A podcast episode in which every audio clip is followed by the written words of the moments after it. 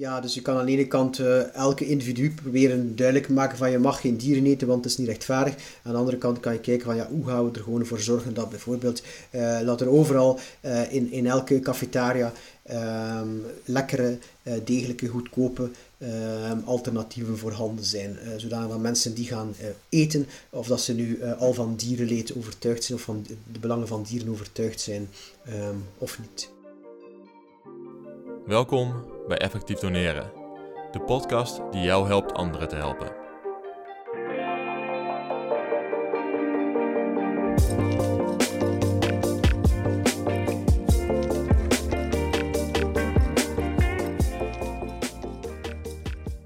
Wie telt er mee in de filantropie?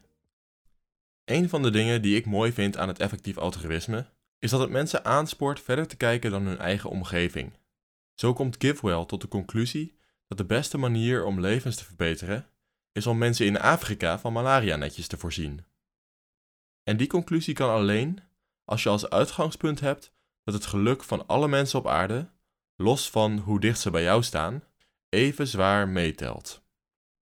Maar er is een groep effectieve donateurs die vraagt: waarom kijken we alleen maar naar mensen? Deze aflevering gaat over dierenwelzijn. Want als je concludeert dat dieren ook pijn, verdriet, geluk en blijdschap kunnen ervaren, wordt het heel moeilijk vast te houden aan het idee dat filantropie alleen over mensen gaat. De volgende onmogelijke vraag wordt dan hoe zwaar je de belangen van dieren precies moet afwegen tegenover die van mensen. Nou, ik vrees dat ik daar geen kort antwoord op heb. Maar een idee dat ik heel erg behulpzaam vond, is dat van de morele cirkel. Iedereen staat in het midden van hun eigen morele cirkel. Vlak naast ons staan onze familie en vrienden. En dan heb je andere bekenden en voor sommigen misschien nog een huisdier. En uiteindelijk is de morele cirkel waar we de grens trekken wie er voor ons toe doen. De mensen of dieren van wie we erkennen dat hun belangen even zwaar wegen als onze eigen belangen. Als je met een historische blik naar die morele cirkel gaat kijken, is het betrekken van dieren eigenlijk een logische volgende stap. Want hoewel er in de praktijk nog veel te verbeteren valt, zijn de meeste Nederlanders het er bijvoorbeeld wel over eens dat alle mensen gelijkwaardig zijn. Maar dieren vinden we nog moeilijk. En dat is deels omdat de morele cirkel niet alleen bepaald wordt door om wie we willen geven, maar ook om wie we kunnen geven. Als je bijvoorbeeld afhankelijk bent van dieren voor voeding, wordt je leven heel moeilijk als je moet accepteren dat ze dezelfde rechten als mensen verdienen. Maar als je ergens woont waar de schappen in de supermarkt vol hoogwaardige vleesvervangers liggen, is het veel makkelijker om empathie voor kippen, varkens en koeien op te brengen. Mijn gast deze aflevering is iemand die zijn hele carrière heeft ingezet voor dierenwelzijn en het uitbreiden van onze morele cirkel. Tobias Leenaert. Tobias is de schrijver van het boek How to Create a Vegan World en medeoprichter van ProVeg, een organisatie waar we later in de aflevering nog meer over horen. Tobias vertelt in deze aflevering waarom dierenwelzijn een bijzonder effectief thema is voor donateurs die levens willen verbeteren. En wat de beste manieren zijn om dat te doen. Naast dat hij veel van het onderwerp weet, vind ik het ook erg bewonderenswaardig hoe Tobias met zijn aanpak probeert de dierenwelzijnbeweging voor iedereen toegankelijk te houden. We hebben het in dit gesprek dan ook nog even over de uitdagingen voor de beweging en waarom Tobias het belangrijk vindt dat ze een breed publiek blijven aanspreken. Zoals altijd is deze podcast een samenwerking met de website Doneer Effectief. Voor meer informatie kun je naar www.doneereffectief.nl gaan. Hier vind je onder andere per thema een lijst met organisaties die jouw donatie het effectiefst inzetten. En informatie over het donatieproces en hoe je dat jezelf zo makkelijk mogelijk kunt maken. Als je nog vragen hebt over de podcast, kun je mij per e-mail bereiken op podcast.doneereffectief.nl. Veel plezier met de aflevering.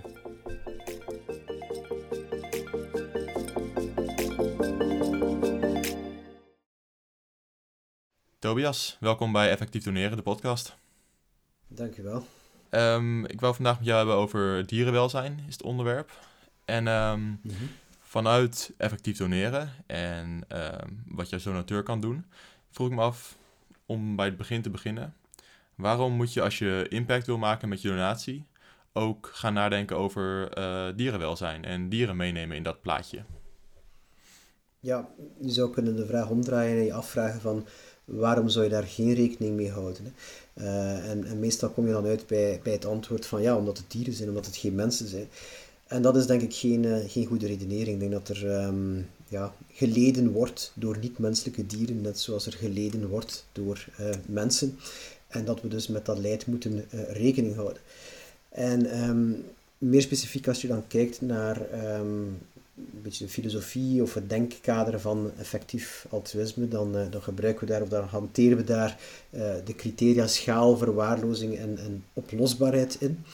Uh, ja. En als je die toepast op dier, dan kom je dus uit bij ja, een, een heel beloftevol domein eigenlijk om je donaties in te stoppen. Dus eventjes overlopen. Dus de schaal van het probleem, de schaal van het, uh, van het dierenleed, is, is enorm. Hè? Dus uh, als je kijkt naar kwantiteit, heb je 70 miljard uh, landbouwdieren, dus voor voedsel, die um, elk jaar gedood worden. En dat is zonder zeedieren. Dus daar zijn nog, dat is nog een veelvoud van zeedieren erbij. Dus ja. ook zonder insecten trouwens.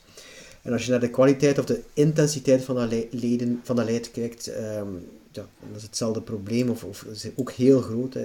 Je spreekt over ellendige levens, uh, die, er, die eigenlijk zo slecht zijn dat ze er beter niet zouden zijn. Vandaar dus het idee van veganisme gaat dat die hele industrie boycotten, zodat er minder dieren in leven komen. Uh, en dan verwaarlozing um, is het tweede uh, criterium. Wat er geschat wordt, is dat er zo'n 200 miljoen dollar wereldwijd naar die landbouwdieren gaat, naar hen bevrijden van hun lijden. 200 miljoen dollar is, is eigenlijk peanuts in vergelijking met uh, dat enorme aantal. Hè. En daarvan gaat nog eens 80% naar uh, uh, Amerika, West-Europa en het Verenigd Koninkrijk en maar 20% daarvan naar de rest van de wereld. Ja, ja. Of als je kijkt, als je het zo ziet, van als je het proportioneel ziet, hè, Amerikaanse cijfers, ik heb ze niet voor Europa, maar het zal wel ongeveer hetzelfde zijn. dan gaat anderhalf procent van alle donaties naar dierlijke doelen. Ja. Eh, anderhalve procent van de 100 procent. En van die anderhalve procent gaat dan nog eens uh, 99 procent naar uh, katten en honden. Dus naar, naar shelters, naar uh, asielen. Ja. Dus eigenlijk wat krijgen die 70 miljard landbouwdieren plus al die vissen? 0,015 procent. 0,015 procent. Dat is belachelijk weinig voor al die miljarden dieren. Voor, voor de schaal waar het probleem is. Ja. ja, precies. En dan nog als laatste punt de oplosbaarheid. Er zijn dus ja, wel degelijk grote vorderingen te maken hè, op dit gebied. Dus als je kijkt naar de ontwikkeling van vleesvervangers, het uh, ontwikkeling van uh, wetgeving, uh, institutionele verandering, daarmee zou je ehm, in principe met ehm, ja, beperkte ingrepen heel eh, hoge impact, positieve impact kunnen creëren. En trouwens niet alleen voor dat dierenwelzijn, maar tegelijkertijd ook voor het uh, milieu, voor de publieke gezondheid en zo meer. Dus je slaat eigenlijk verschillende vliegen met een uh, niet diervriendelijke beeldspraak ja. in, in één klap. Ja. ja, nee, want we hebben inderdaad ook wel we hebben ook aandacht aan het klimaat besteed. En er is natuurlijk ook heel veel overlap met, dit, mm -hmm. met dit onderwerp. Ja. Um, ja, en jij hebt het in je, in je boek duid je het volgens mij aan met de, de Vegan Movement of Animal Rights Movement. Um, en uh, zou je een beetje kunnen hebben over wat het doel van die beweging nou is? Um, ja. ja. Ja, dus eigenlijk kan je zeggen van dat is de beweging van mensen die um, de dieren uit, een, uit de lijden wil verlossen en die ook in zekere zin, kan je zeggen, rechten wil, wil toekennen aan die dieren om niet gebruikt te worden, om überhaupt niet gebruikt te worden. Want je hebt ook mensen die, die geloven van, we kunnen die dieren gewoon een beter leven geven, we kunnen zorgen dat ze niet te veel lijden en dan kunnen we ze nog altijd blijven gebruiken. Wel, de dierenrechtenbeweging of de veganbeweging, uh, die gaat ervan uit dat dat eigenlijk niet kan of niet hoort. En dat je dus eigenlijk gewoon helemaal moet stoppen met het gebruik van dieren, hoe goed ze het ook zouden hebben. Want je moet ze nog altijd, uh, altijd doden. Um, je moet een leven beëindigen en, en, daar heb je het recht niet toe eigenlijk. Uh, ja. Dus dat is een beetje het idee van, van die beweging, waarbij dat je dus um, uh, gaat, gaat zorgen eigenlijk voor een massale boycott. Je, gaat, um, je hoopt dat zoveel mogelijk mensen gaan meedoen in het boycotten van die dierlijke producten. Um, zodanig dat er minder dieren moeten in leven gebracht worden en dus minder dieren zullen lijden of onrechtvaardig behandeld worden enzovoort. Ja, ja nee, ik wil straks ook nog wel even verder gaan en terugkomen op ze, maar ja, hoe, hoe dan verder, wat we dan moeten doen. Um, maar misschien eerst, je noemde al een beetje dat, uh, dat leed en dat lijden voorkomen. En ook dat gebruiken. Um, Mhm. Zou je daar een klein beetje op in kunnen gaan op wat dat concept, want je hebt het in je boek ook over eh, justice of injustices eh, over, wat dat concept inhoudt als je het eh, op dieren betrekt? Wel, ja, je kan, je kan eigenlijk gewoon dieren zien als eh, autonome wezens, net zoals mensen autonome wezens zijn of zouden moeten zijn, waar wij onze, onze wil niet aan mogen opleggen. hè. Eh, Ja. Dat kan één, aspect zijn van je filosofie. Er zijn mensen die op die manier dus die, die autonomie en die rechten benadrukken. Er zijn andere mensen die zeggen van ja, we gaan vooral eh, het vermijden van eh, leed benadrukken. Eh, dus daar zit eigenlijk wel heel veel nuance in en je kan daar, je kan daar boeken over schrijven over wat het precies inhoudt. Maar ik zou zeggen, het belangrijkste is eigenlijk het, het leed vermijden en de onrechtvaardigheid vermijden. Dan kom je uit bij, ja, we gaan ze gewoon niet meer of nauwelijks nog eh, gebruiken. En dat geldt dan vooral eh, voor eh, de voedingsindustrie, maar dat geldt ook voor het gebruik voor kledij, het gebruik voor medisch onderzoek, het gebruik in entertainment en sport en zo verder. Ja, ja. En ehm, ja, dat brengt dan ons bij een ander punt. Want je noemde net bijvoorbeeld al het, de percentages die van goede doelen, van filantropie naar dierle- dierenwelzijn gaat. Ehm, hoe, ik weet, dit is natuurlijk een hele brede vraag, maar misschien dan persoonlijk. Hoe weeg jij dierlijk en menselijk welzijn af? En kun je dat afwegen? Is dat überhaupt mogelijk? Want het is wel een beetje een beginpunt voor dit, voor dit onderwerp ergens. Maar het is, het is niet zo makkelijk hè, eh, om dat eh, met elkaar Nee. af te wegen. Maar, en, en, en het is moeilijk om te zeggen bijvoorbeeld van ja, je kunt eh, één wezen redden, een mens of een dier. En je kunt dan zelfs zeggen van je kunt eh, één mens of honderd dieren redden. wie ga je kiezen? Dat is allemaal niet zo simpel.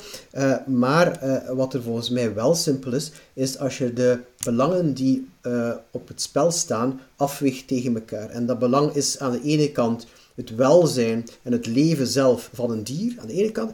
En aan de andere kant, eigenlijk, waar het op neerkomt, is een, een smaakervaring, een leuke smaakervaring voor een mens. En die belangen zijn werkelijk totaal, totaal, totaal ongelijk. Hè? Als, je, als Ja. je zou kijken naar medische experimenten, zou je al kunnen zeggen van ja, oké, eh, we hebben als mens eh mogelijks iets te winnen bij eh, dierlijk onderzoek. Maar in elk geval, bij, bij voedsel zijn die belangen heel eh, ongelijk. Ehm, omdat we weten dat je dus geen dierlijk voedsel moet eten om in leven te blijven en gezond te zijn. Moest dat anders zijn, zou het wel een licht andere situatie kunnen zijn. Maar ehm, ondertussen weten we dat. En dus mogen we zeggen van het is eh, leven en leed aan de ene kant en smaak, een eh, gustatieve ervaring eh, aan de andere kant. En, en, en Ja. dan is er, ja, dan is er geen, echt, echt geen, geen discussie. hè. Dan moet je niet beginnen over van hoe moeten we dat hier nu afwegen. Nee, het is gewoon iets triviaals versus, of, of iets, iets relatief triviaals versus ehm, iets dat levensbelangrijk is. Nee, oké, maar dat is vanuit het eh, een, eh, je levensstijl eh, perspectief. Ehm, als we zeg maar, wat ik een beetje in de, deze context van deze podcast natuurlijk probeer te doen, is vanuit een donateur. En uiteindelijk Ja. ga ik straks beslissen aan het einde van het jaar hoeveel procent van mijn donaties naar de dierenwelzijn gaat en hoeveel naar eh, ja, dingen in, eh, op eh, ge- globale gezondheid en eh, armoede, dat soort dingen. Ja, Eh. ja. Wel, dan, dan zou ik zeggen van kijk naar die, ehm, naar die eh, drie criteria opnieuw. Eh, schaal, eh, Ja. verwaarlozing en, eh, en oplosbaarheid. En dan kom je toch wel, eh, als je dat rationeel bekijkt, bij het idee, denk ik, van eh, als je tenminste geen specifisch onderscheid maakt tussen mensen en niet-menselijke dieren, ehm, dan kom je toch wel bij ja, het idee van dat daar, dat daar toch wel een significant aandeel van je donaties eh, zou mogen, ehm, mogen naartoe gaan in, in de huidige context, denk ik. Ja, Maar om daar nu een procent op te plakken of zo, dat is natuurlijk eh, een Nee. andere zaak en dat zal vaak heel persoonlijk zijn. Dat snap ik inderdaad. Ja, nee, maar ik, het, het punt is wel inderdaad, eh, van wat ik hieruit begrijp, dat aan de hand van die drie criteria, om, vanwege de omvang, de verwaarloosdheid en dus de, de oplosbaarheid, ehm, als je het uitgangspunt neemt dat je dierlijk leed wil vermijden, net zoals dat je menselijk leed wil vermijden, kun je eigenlijk heel veel winnen op dierlijk leed, hè, als ik je zo goed begrijp. Ja, absoluut, omdat die, omdat die aantallen zo gigantisch zijn. Hè. Er zijn soms eh, mensen of organisaties die het proberen berekenen en dan komen we soms bij, ja, voor 1 euro of zo kunnen we duizend levens redden of zo, maar dat is natuurlijk gebaseerd op heel ruwe schattingen. Eh, maar maar Ja. ja, het, het, het, het leed dat je zou kunnen besparen, eh, ofwel nu ofwel in de long run in de toekomst, eh, kan, kan echt wel gigantisch zijn. Ja. en en daar, daarbij dan ook genomen van ja, er zijn weinig mensen die erin investeren, dus 200 miljoen dollar wereldwijd is zoals gezegd peanuts. En, en ook, ik denk dat dat ook wel ergens een, een factor is van, je moet ook ook in, in, in beschouwing nemen dat wij het zijn die dat leed uh, veroorzaken. Dus we hebben echt wel wat, wat goed te maken. Zo dat is het, uh, de rechtvaardigheidskant uh, ervan. Ja. Ja. Mm -hmm. ja. Ja. Ja. Um, ja, ik vind het ook een heel overtuigend argument. Ja. Um, dus als we dat uitgangspunt een beetje hebben ja, vastgesteld, um, kunnen we misschien even doorgaan naar ja, hoe komen we daar? Wat is en jij hebt een uh, mooie metafoor in je boek, de, de Road to Veganville noem je het. Zou je een beetje kunnen mhm. uitleggen wat dat betekent? Ja, in mijn boek heb ik uh, het, het, het veganiseren van de wereld eigenlijk als, als doel gesteld en dat voorgesteld als een metafoor van we moeten zorgen dat iedereen in het dorpje Veganville of in de stad Veganville leeft. Hè. Mm. En Veganville ligt op de top van een, uh, van een heuvel of van een berg. Dus dat wil zeggen van om naar Veganville te gaan, om de mensen aan te sporen om naar Veganville te gaan, uh, ja, zij moeten daarvoor enige inspanning leveren. Het is niet de, de way of least resistance, het is momenteel nog altijd een beetje moeilijk. En dus je kan, in, ik heb het boek ingedeeld dan in, in wat ga je doen om de mensen aan te moedigen? Welke argumenten ga je gebruiken? Welke boodschappen gebruik je? Hoe ga je zorgen dat die tocht daar naartoe makkelijker wordt door daar uh, rustplaatsen te installeren enzovoort. En dat zijn dan de restaurants en, en zo verder. Ja. Um, ja, dus dat is een beetje um, het, het idee van, van um, mensen zover te krijgen, maar uh, je, je, moet natuurlijk uh, een onderscheid maken van ja, aan de ene kant ga je mensen stimuleren, motiveren om, om die tocht te maken. Uh, maar aan de andere kant ga je uh, het proberen veel makkelijker te maken door institutionele verandering om, uh, om die tocht af te leggen.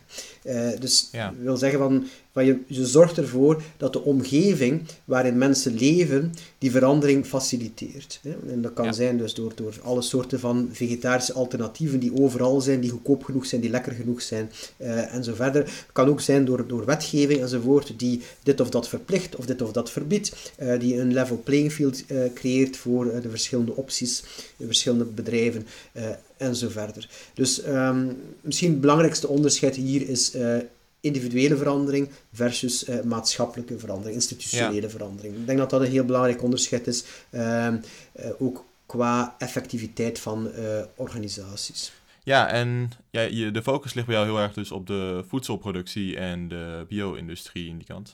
Zou je kunnen uitleggen waarom, waarom dat in plaats van dingen als dierproeven, jacht of ja, entertainment? Um, ja. ja, bestaan inderdaad uh, verschillende gebieden hè, waarin dieren misbruikt worden en waarin ze lijden. Uh, maar als je naar de getallen kijkt, dan is dat zo um, overdonderend, die meerderheid of die, die, die, uh, ja, het gebied van um, landbouwdieren is, zoveel groter dan dat van bijvoorbeeld dierproeven of dieren in entertainment enzovoort. Daarnaast is het ook zo dat, dat soms uh, bepaalde producten uh, een, een, bijproduct of een nevenproduct zijn van uh, die voedingsindustrie. Dus bijvoorbeeld kledij, bont, leer. dat zou denk ik wel verdwijnen mochten we de dieren niet meer eten. Dus kan je eigenlijk meteen het bij de wortel aanpakken. Het enige dat ik zou kunnen zeggen is van ja, als je naar intensiteit van het lijden kijkt, ik denk dat het verschrikkelijk is in de landbouw, maar ik kan me misschien wel voorstellen dat het dat een dier in uh, bepaald medisch onderzoek, uh, als een ja. dier uh, daarin vastzitten, dat dat ook gruwelijk moet zijn. Dus ehm, daar zou je natuurlijk ook kunnen naar kijken. Al die dingen moeten aangepakt worden, al die dingen zijn belangrijk, maar als je de meeste impact wil hebben, dan denk ik dat je die kan hebben door te focussen op de landbouw, de voedselproductie. Ja, puur, puur, eigenlijk vanwege die schaal dus, hè? Ja, ja, ja. precies. Um, ja, en dan een beetje naar, naar onze kant van het verhaal, zeg maar. Um, want je hebt natuurlijk een aantal manieren waarop je kunt bijdragen aan deze beweging. Um, je hebt je, je levensstijl, um, je tijd, je activisme. Ja, je zet je, jij zet natuurlijk veel van je tijd ook uh, in op dit doel. en waar we het in deze podcast voor over hebben, misschien is het geld of wat je kan doen daarmee. Hm. Ja, ze krijgen wel hele verschillende niveaus van aandacht als je om je heen luistert en in de media. Zou je een beetje kunnen vertellen over hoe die dingen zich tot elkaar verhouden? Ja, um, wel, dus, dus, dat is heel moeilijk te vergelijken. Maar ik zou zeggen van, van kijk, um, um, een, een veganist heeft een bepaalde impact. Hè. Die kan in theorie zoveel levens in zijn, dierenlevens in zijn ehm, leven sparen door ze niet te eten, zo gezegd, Ja. in theorie. Ehm, maar eh, je kan ook veel impact hebben met eh, over dierenleed te praten en te communiceren, ehm, ook zonder dat je vegan bent. Ehm, Ja. Dus eh, wat mij betreft is iemand die niet de perfecte vegan is, of die zelfs niet vegan is, en die, die bijvoorbeeld een groot publiek heeft en die daarover praat, ja, die is veel impact, impactvoller dan ehm, de perfecte vegan die, eh, die de hele tijd eh, de ingrediënten zit af te lezen van, van zijn ehm, verpakkingen eh, en die daar veel meer tijd mee verliest om het een beetje ehm, op flessen te trekken. Ja. Maar ja, we mogen ons zeker niet blind staren op, op, op die persoonlijke consumptie. En ik denk dat je moet, veel meer moet kijken naar het effect van, van je activisme, je advocacy, of het effect van je geld. Ja, want ik denk ook dat best veel mensen het, ge- het gevoel hebben dat ze eerst eh, vegan moeten zijn voordat ze die andere dingen kunnen doen of zo, weet je? Dat, dat, Ja, ja. Is een beetje een, beetje een jammere, ehm, gedachte, denk ik. Dat, dat speelt inderdaad wel mee, volgens mij. En ik denk dat de, de, de veganisten zelf daar, daaraan toe hebben bijgedragen. Hè? Van, van eh, je moet consequent zijn en als je dit of dat zegt, dan moet je ook vegan zijn. Ehm, ja, je kan daarvoor eh, opteren of je kan dat beargumenteren. Maar je kan ook zeggen van ja, eh, het maakt mij niet uit eh, wat je eet of wat je doet of zo. Die inconsistentie, daar maal ik niet om. Belangrijk is wat voor effect dat je hebt met je woorden. En misschien ga je soms wel geloofwaardiger zijn als je Ja. ook ehm, eh, dat in de praktijk toepast. Maar het kan ook goed zijn dat je, dat je misschien geloofwaardig bent als je dat niet doet.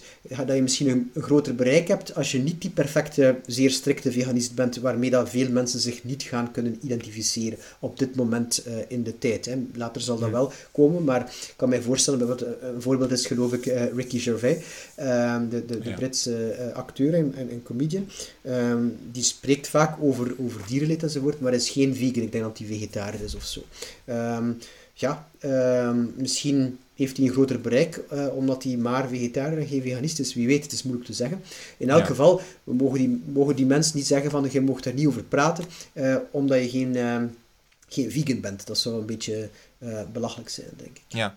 ja, en ik kan me voorstellen dat bepaalde donateurs ook het gevoel hebben dat ze eerst die stap moeten zetten voordat ze ja, het recht hebben ja, om te doneren. Ja, ja, dat zou, ja, andersom zouden ze ook kunnen de reflectie maken van ja, ik heb niet de wil of de moed of zo om vegan te worden, ook al denk ik niet dat het zo moeilijk is, eh, maar ik ga dan ter compensatie gewoon eh, mijn, eh, mijn vleesmaaltijden offsetten door af en toe wat geld te geven. Dat zou ook een redenering kunnen zijn. En ik denk dat dat, denk dat perfect kan. Hè. Liefst doe je het alle twee, maar het is zeker niet zo dat je geen geld kan geven aan het, het stoppen van het lijden van landbouwdieren als je die zelf nog, nog consumeert. Dus ik denk dat, Ja. dat je die twee voor een stuk kunt loskoppelen van elkaar. Ja, ja misschien kunnen we het dan, eh, om die koppeling te maken naar wat je kunt doen als je als je, je, je, burger wil afzetten, zo gezegd.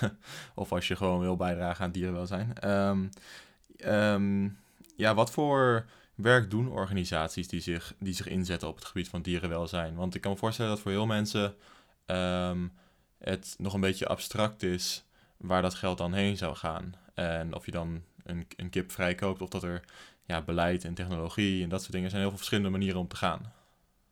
Ja, als je naar de, naar de NGO's kijkt, naar de non-profits, eh, ik denk dat je dan grosso modo een viertal domeinen kunt onderscheiden. Dus het werken naar een breed publiek toe, naar het algemeen publiek. Dus campagnes, awareness raising, Ah, ja. gedragsverandering, mobiliseren. Wakker. Je kan kijken naar, eh, Ja, dat soort van zaken. Eh, kan ehm, eh, interventies hebben vooral naar bedrijven, dus naar producenten, naar de retail, ehm, naar ontwikkeling van, of R&D van alt-protein enzovoort, maar ook financiën, de financiële wereld, ook de boeren, de landbouwers, en al, dat is de hele bedrijfswereld hè, op bepaalde Ja, ja.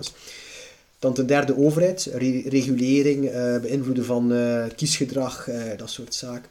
En dan nog een vierde is eigenlijk een, soort van meta-doelstelling of een meta-interventie. en dat gaat over, over het movement building. dus het uit, uitbouwen van die beweging door training, door research, door monitoring en.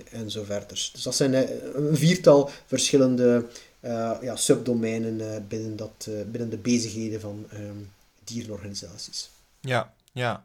Ehm, en wat zijn, wat zijn dan over het algemeen de, uh, ik weet niet uh, of je ze over een aantal kan noemen, de effectiefste organisaties op dit gebied. Misschien kunnen we het daar een beetje over hebben. Ja, um, ik, uh, ik zelf, als ik, als ik naar mijn, mijn persoonlijke voorkeuren kijk, die, die hopelijk gebaseerd zijn op uh, objectieve criteria. Mm -hmm. ik vind het Good Food Institute een, een heel uh, goede organisatie die heel goed werk doet.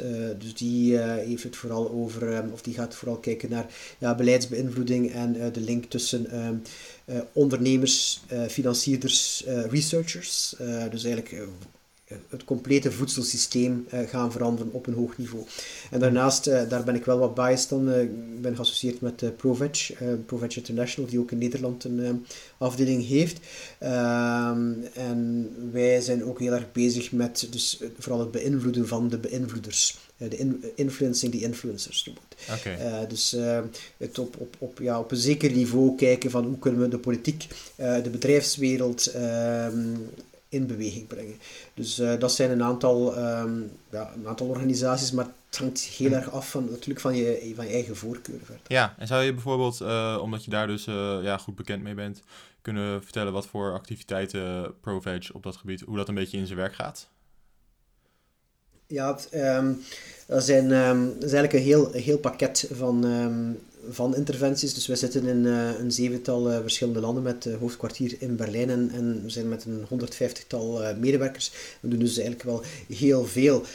maar bijvoorbeeld um, één um, campagne in Nederland dan, waar dat werken naar het publiek en het werken naar uh, die bedrijven samenkomen, is, uh, is de Veggie Challenge, waarbij je zoveel mogelijk mensen oproept om uh, een maand te proberen ehm, vegan te zijn. En dan in bepaalde periodes ook de hele bedrijfssector probeert mee in het bad te nemen um, om dan in te spelen op die groep van mensen die, die zoiets doet. Dus door, door de, de, aanbiedingen uit te breiden tijdens die periode en zo oh ja. verder. Um, ja, we hebben daarnaast ook um, ja, bijvoorbeeld politieke uh, beïnvloedingen, kieswijzer gecreëerd om de mensen aan te geven van welke partijen zijn nu um, het, het meeste voorstander van die plantaardige transitie. en dat, andere, andere zaken, bijvoorbeeld uh, Veggie World, zo'n beurs. Ehm, daarnaast het outreach naar, naar bedrijven om ehm, zoveel mogelijk hun producten of hun ingrediënten te verplantaardigen. Dus zorgen dat daar minder dierenleed aan te pas komt. outreach naar, ehm, naar retail, naar, ook naar cafetaria's, naar restaurants enzovoort.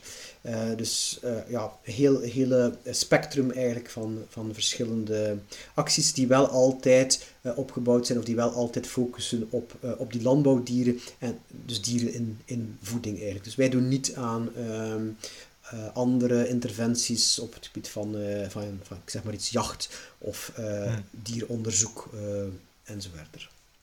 Ja, ja. Um, want ja, en misschien is dat dan lastig in die zin. Maar je kan het ook uh, zonder uh, namen van organisaties of zo te noemen beantwoorden. Maar um, zijn er dingen waarvan je denkt van, nou daar, daar gaat heel veel aandacht en uh, geld eventueel heen. Maar dat is op het gebied van dierenwelzijn waarschijnlijk niet de beste manier om je geld te besteden als je nu een donateur bent die hier aan wil bijdragen.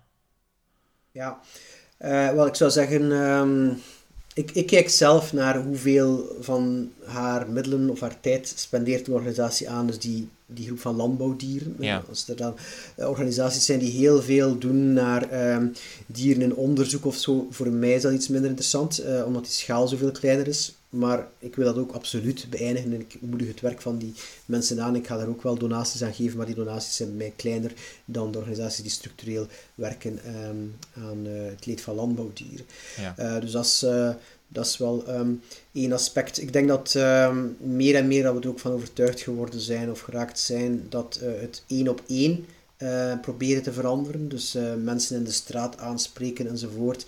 Uh, dat dat minder efficiënt is dan die institutionele verandering, die verandering op het hoger niveau. Op het gebied van awareness en campagnes. Ja, dus je kan aan de ene kant uh, elke individu proberen duidelijk te maken van je mag geen dieren eten, want het is niet rechtvaardig. Aan de andere kant kan je kijken van ja, hoe gaan we er gewoon voor zorgen dat bijvoorbeeld, uh, laat er overal uh, in, in elke cafetaria um, lekkere, degelijke, goedkope um, alternatieven voorhanden zijn. zodanig dat mensen die gaan eten, of dat ze nu al van dierenleed overtuigd zijn, of van de belangen van dieren overtuigd zijn, um, of niet. Um Oké, en zijn er specifieke dieren uh, waar we meer aandacht aan moeten geven of minder aandacht aan moeten geven? Je zou kunnen kijken naar uh, de intensiteit van, van het uh, lijden. Dat is niet zo gemakkelijk om, uh, om te weten. en een duidelijkere factor is eigenlijk de ehm, kwantiteit, dus het aantal dieren. En dan zit je heel snel bij de kippen en de vissen. En dat zijn dan natuurlijk de kleinere dieren. Hè. van de kleinere dieren wordt er gewoon meer gegeten. vandaar dat het ook eigenlijk altijd een slecht idee is wanneer um, mensen zeggen van, of, of organisaties of zo aanraden van te switchen van rood vlees naar wit vlees, van um, rund naar kip of vis. Uh, want dat betekent dan in de praktijk, ja, misschien is dat iets uh, beter voor het klimaat, uh, ja. omdat je dan geen, ehm, geen methaan enzovoort hebt. Maar dat is een ramp voor dierenwelzijn. Omdat, niet alleen omdat die kippen nog slechter behandeld worden dan die koeien vaak, ehm, maar vooral omdat ja, als je dezelfde hoeveelheid vlees ehm, uit één uh, die je uit één uh, rund haalt. Als je die hoeveelheid uit kippen wil halen, dan heb je 250 à 300 kippen nodig. Dus je gaat het, het, het, het leed gewoon uh, vermenigvuldigen. Dus um, ja. in die zin zou je zou bijna kunnen zeggen, en dat was ooit een campagne van, van, van PITA, eet walvissen. Hè? Omdat dat de grootste dieren zijn en dan heb je, moet je er het minste van doden. Als je dieren eet, eet walvissen of, of weet ik veel. Um, dus, maar in elk geval geen goed idee om, om, om kleinere dieren te gaan eten. Het is wel um, een lastige boodschap lijkt me, want het, het gaat denk ik juist tegen mensen, dus intuïtie, mensen hun intuïtie in. Dat, omdat de, de grote dieren, om maar het cliché, de, knuffelbare dieren zijn vaak, weet je wel. Dat zijn uh, de dieren die meest sympathie krijgen van mensen. Ja, precies. Uh, zijn de zoogdieren en ook, uh, ja, ze worden gezien als, dus de ehm, kleine dieren worden dan uh, gezien als klimaatvriendelijker en ook als gezonder. Dus kip en vis worden beschouwd ja. als gezonder dan rood vlees. Uh, dus die hebben alles tegen zich. Uh, dus dat is, ja. dat is een beetje van een ramp. Um, en, en, dat wil ook zeggen dat we dus van die, van de 70 miljard dieren die ik noemde, die jaarlijks gedood worden, dat, dat het grote merendeel daarvan kippen zijn en, en, nog wat kalkoenen enzovoort. Maar hm. bijna allemaal. Ja. ja. Ja, dat is een goed punt. Belangrijk om even te noemen. Ja. Ja, en Animal Charity Evaluators uh, heeft dus als een van hun drie uh, recommended uh, organisaties, of aanbevolen organisaties, de Wild Animal Initiative. Um, een organisatie die zich inzet op, om onderzoek te doen en het promoten van dierenwelzijn in het wild. Um, hoe kijk jij daarnaar vanuit jouw filosofie op dierenwelzijn? Ja, misschien om het duidelijker te maken, dus dierenwelzijn in het wild gaat over um, ja, problemen, welzijnsproblemen die niet door mensen veroorzaakt zijn. Hè. Dus want je kan ook ja. wilde dieren hebben waarbij dat mensen uh, door stroping, stropen en door uh, verminderde habitat enzovoort ook problemen veroorzaken. Maar het gaat effectief om uh, de problemen van wilde dieren die gewoon door de natuur veroorzaakt worden. Dus door bijvoorbeeld honger en predatie en parasieten, ja. dat soort van zaken. En daar zou je kunnen zeggen... Um, van, ja, er zijn veel mensen die gaan zeggen van, daar komen wij niet aan, wij zijn daar niet verantwoordelijk voor, dat is de natuur, uh, we laten de natuur begaan, de natuur weet het best, uh, en we moeten dat leed uh, aanvaarden. Ehm, nu, mijn insteek daarbij is, leed is leed, ehm, verschrikkelijk leed is verschrikkelijk leed, en door wat dat leed veroorzaakt is, door mensen of, of door uh, niet-menselijke oorzaak, uh, is eigenlijk niet relevant voor dat dier dat dat leed ondergaat. He, dus als jij nee. um, een konijn zou zijn en je lijdt verschrikkelijk aan een of andere uh, hongersnood, of je lijdt doordat je door een mens in een val gelokt wordt, of weet ik veel. Mm -hmm. maakt niet uit voor jou als konijn, het is leed.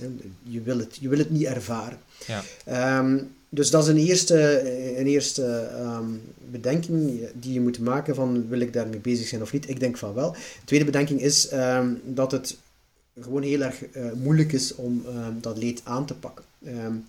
maar dus omdat alles met alles samenhangt en als we een ingreep doen in de natuur, dan kan dat iets anders veroorzaken en een of ander cascade-effect hebben dat negatief is en nog meer leed veroorzaken en zo verder. daar denk ik dat we gewoon ehm, op dit moment moeten bezig zijn met onderzoek. Heel voorzichtig, nog niet erop uh, in het veld gaan, niet erop dingen toepassen. Op de duur wel, maar, maar op dit moment dat gewoon in, theorie, in het theoretische bestuderen en kijken ja. wat er eventueel kan, kan gebeuren. Maar over het algemeen zou ik dus, ja, om op je vraag te beantwoorden, zeggen van dus het is zeker een, um, een belangrijk iets om naar te kijken, ook al hebben wij dat leed niet veroorzaakt. Het is belangrijk omdat, er, omdat de, de, de aantallen opnieuw uh, vaak waarschijnlijk heel hoog zijn. Hè, de aantallen van dieren die um, ontberingen moeten doorstaan. Ja, de schaal, de schaal is enorm. Ja ja, schaal is enorm, zeker als je ongewervelden meeneemt, uh, waarvan dat we nog niet zo goed weten hoezeer dat ze kunnen leiden enzovoort. Er is heel veel dat we niet weten, heel veel onzekerheid. En ik zou zeggen, onzekerheid is ook wel een factor die je moet, um, is ook wel een bepalende factor die je donatiegedrag uh, zal bepalen. Hè, van met hoeveel onzekerheid ben je comfortabel. Um, en dan kun je kunt zeggen van, um, ja, pff, dit, uh, ik weet niet of we iets kunnen doen, het is niet zo tractable, het is niet zo oplosbaar, dus ik ga daar maar geen geld in steken. Dat kan een, een respectabele mening zijn. Andere mensen kunnen zeggen van, ja, hier is mogelijk wel heel veel winst te halen, ook al weten we nog niet goed hoe, en ook al is er nog veel onderzoek, onderzoek nodig, maar ik ga toch al wel daar, daar iets van mijn donaties naartoe sturen. Ja, ja, ja, ik krijg hierbij heel erg het gevoel dat de, de praktische kant van de discussie nog niet de, de ethische, filosofische kant heeft ingehaald eigenlijk. Zeg maar, we, we hebben hier, je kan natuurlijk, als je tot de conclusie komt dat leed leed is inderdaad, en ja, uh, als, je, als je dan de vergelijking met mensen zou gaan trekken, zouden we dat natuurlijk ook niet zijn, beloop laten gaan als er mensen ergens waren. En dat is moeilijk aan dieren. Die, hebben daar, die kunnen dat zelf niet uh, ter sprake roepen of te, ter, ter aandacht brengen. Um, ja, precies. Maar ja, het is, gewoon heel, het is gewoon natuurlijk heel moeilijk om te bepalen hoe je dat nou, wat je nou gaat doen in zo'n situatie. Ja, wat, wat, wat de ingrepen zijn. Ja, ja maar vandaar dat een organisatie als Wild Animal Initiative uh, eigenlijk bezig is met op dit, moment, op dit moment eigenlijk vooral uh, onderzoek. Geen, geen echt concrete interventies op dit moment geloof ik, maar, maar echt wel kijken van op een heel voorzichtige manier en een heel ehm, wetenschappelijke manier wat zou er eventueel mogelijk zijn en ook, ook de, de antwoorden te beantwoorden, de, de vragen te beantwoorden zoals, zoals bijvoorbeeld van ja, hoe, hoe groot is het leed eigenlijk nu in het wild van die of die soort? Dat, dat, dat weten we eigenlijk allemaal niet. Dus, dus is nog niet echt super duidelijk in welke mate, als we het zouden kunnen, in welke mate we zouden uh, moeten uh, interventies doen. Ja, eventjes. Um, ik sloeg even aan op iets wat je net noemde, want je had het over uh, vissen en ongewervelde. Um, en ik, het is gewoon omdat ik het persoonlijk gewoon erg interessant vind.